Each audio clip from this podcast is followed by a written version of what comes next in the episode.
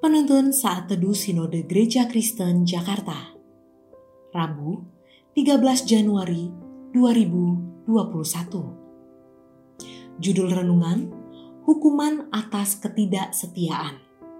Terambil dari Nats 2 Tawarikh 26 ayat 16 sampai 21 Setelah ia menjadi kuat, ia menjadi tinggi hati, sehingga ia melakukan hal yang rusak.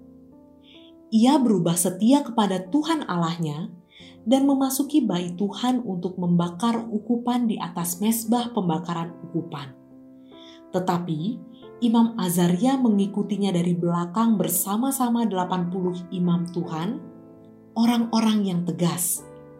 Mereka berdiri di depan Raja Uzia dan berkata kepadanya, Hai Uzia, engkau tidak berhak membakar ukupan kepada Tuhan. Hanyalah imam-imam keturunan Harun yang telah dikuduskan yang berhak membakar ukupan. Keluarlah dari tempat kudus ini karena engkau telah berubah setia. Engkau tidak akan memperoleh kehormatan dari Tuhan Allah karena hal ini. Tetapi Uzia dengan bokor ukupan di tangannya untuk dibakar menjadi marah Sementara amarahnya meluap terhadap para imam, timbullah penyakit kusta pada dahinya di hadapan para imam di rumah Tuhan dekat mesbah pembakaran ukupan. Imam kepala Azaria dan semua imam lainnya memandang kepadanya. Dan sesungguhnya ia sakit kusta pada dahinya. Cepat-cepat mereka mengusirnya dari sana dan ia sendiri tergesa-gesa keluar karena Tuhan telah menimpakan tulah kepadanya. Raja Uzia sakit kusta sampai kepada hari matinya. Dan sebagai orang yang sakit kusta, ia tinggal di dalam rumah pengasingan karena ia dikucilkan dari rumah Tuhan. Dan Yotam anaknya mengepalai istana raja dan menjalankan pemerintahan atas negeri itu. Konsep prinsip, dan keyakinan seseorang akan berpengaruh pada proses kehidupannya. Ada yang awal sampai pertengahan hidupnya baik dan berhasil, namun pada akhir hidupnya tidak dijalankan dengan baik. Kita mau belajar dari kisah hidup Uzia agar menjadi bijak dan tidak mengulangi kesalahan sama seperti Uzia. Uzia menjadi sombong setelah kuat dan berhasil. Akibatnya, Uzia dihukum karena ketidaksetiaan kepada Tuhan. Kondisi Uzia sangat ironis, karena awal sampai pertengahan hidupnya sangat berhasil.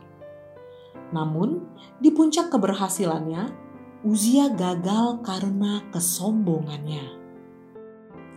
Ia menjadi tidak setia dan tidak bergantung kepada Tuhan.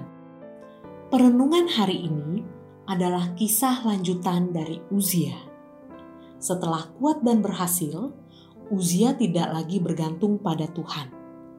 Ia bergantung pada dirinya sendiri. Memang, kompetensi dan karakter yang baik bisa menolong seseorang mencapai keberhasilan. Tetapi, hanya karakter dan integritas baik yang bisa mempertahankan stabilitas dan puncak keberhasilannya. Uzia mencari Tuhan dan takut akan Tuhan selama ada bimbingan atau mentoring dari Zakaria. Prinsip kebenaran yang diajarkan kepadanya belum sepenuhnya terinternalisasi atau menyatu dalam hidupnya. Akibatnya, iman kerohaniannya belum bertumbuh dengan baik dan benar. Sehingga ia mempraktekkan sikap hidup yang salah. Ia tidak takut akan Tuhan dan tidak bergantung pada Tuhan secara konsisten. Uzia menjadi sombong dan berubah setia kepada Tuhan. Sikap tidak hormat kepada Tuhan juga membuatnya mengabaikan firman Tuhan. Ia dengan berani mengambil peran imam dalam membakar ukupan. Terhadap sikapnya yang arogan, para imam menegur kesalahannya. Akar masalah yang teridentifikasi adalah berubah setia dan tidak menghormati Tuhan. Akibatnya, Uzia harus dihukum dengan penyakit kusta. Bagaimana dengan hidup Anda selama ini? Jika Anda bersalah dan dinasehati maupun ditegur oleh hamba Tuhan, maka bagaimana respons Anda? Respons yang baik itu yaitu menerima dan berterima kasih. Belajarlah untuk berterima kasih dan bertobat dari kesalahan. Kita pun bisa terhindar dari hukuman atau disiplin yang berat dari Tuhan.